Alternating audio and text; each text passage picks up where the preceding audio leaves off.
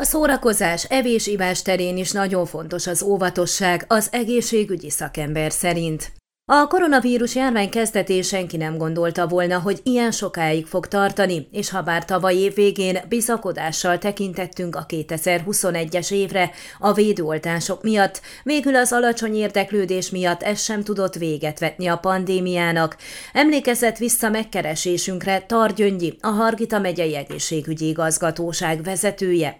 Ennek fényében az idei szilvesztert is járványhelyzetben kénytelen ünnepelni a lakosság, a szakember pedig hasznos tanácsokat osztott meg annak érdekében, hogy ez a lehető legbiztonságosabb legyen. Nem lehet mindig mindenről lemondani, ez igaz. Lehet ünnepelni, de előrelátóan és okosan, hangsúlyozta. Mint kifejtette, járványhelyzet idején ajánlott elkerülni a nagyobb társaságokat, inkább szűk körben érdemes ünnepelni.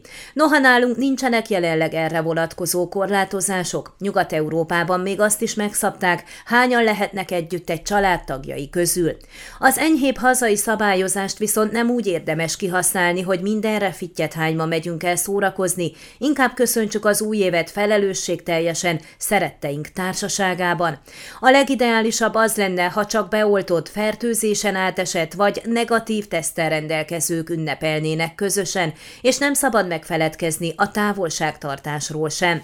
Ajánlott továbbá, hogy mielőtt társaságba vagy idősebb személyhez megyünk, végezzünk el egy gyógyszertárakban is kapható gyors tesztet. A hasonló óvintézkedések betartásával és ajánlásával sokat tehetünk a saját és mások egészségéért.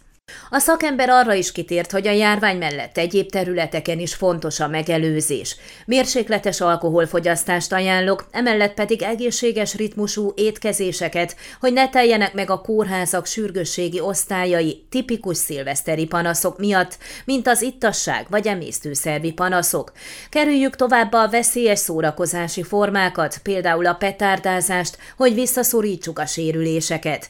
Tudjuk, hogy minden évben szomorúan végződik néhány néhány embernek a szilveszter, ezek a tiltott, de mégis nagyon kedvelt eszközök miatt. A megelőzés fontosabb minden téren, emelte ki. Targyöngyi a járványhelyzetre visszatérve elmondta, az utóbbi napok ismét növekvő tendenciát mutattak az esetszámok tekintetében, és az is elképzelhető, hogy már Hargita megyében is felbukkant az Omikron variáns. Emiatt nincs is ideje az egészségügyi rendszernek kipihenni a negyedik hullámot, már is itt lesz vagy van az ötödik. Még nem késő viszont azoknak, akik esetleg jobb belátásra térnének és beoltatnák magukat az új évben. Mindenkinek azt ajánlom, fontolja meg az immunizálást, hiszen a számok jól mutatják a fontosságát. Hargita megyében eddig 860 igazolt haláleset történt a járvány miatt. Az elhunytak közül mindössze 40-en voltak valamilyen formában beoltva. Már többször is elmondtam, hogy Hargita megye egy közepes falu lakosságával zsugorodott idén, ami miatt elsősorban magunkat okolhatjuk, hiszen volt esély a megelőzésre, de nem éltünk vele kellő mértékben. Csak remélni tudom, hogy a következő évet bölcsebben kezdjük, vagy kezdik azok, akik eddig nem oltatták be magukat, húzta alá Targyöngyi. Zárásként megjegyezte, az idei év legfájdalmasabb következtetése számára az, hogy Székelyföld még rosszabbul áll az egészségtudatosság szempontjából, mint a romániai átlag. Ön a Székelyhon aktuális podcastjét hallgatta. Amennyiben nem akar lemaradni a régió életéről a jövőben sem, akkor iratkozzon fel a csatornára, vagy keresse podcast műsorainkat a székelyhon.pro portálon.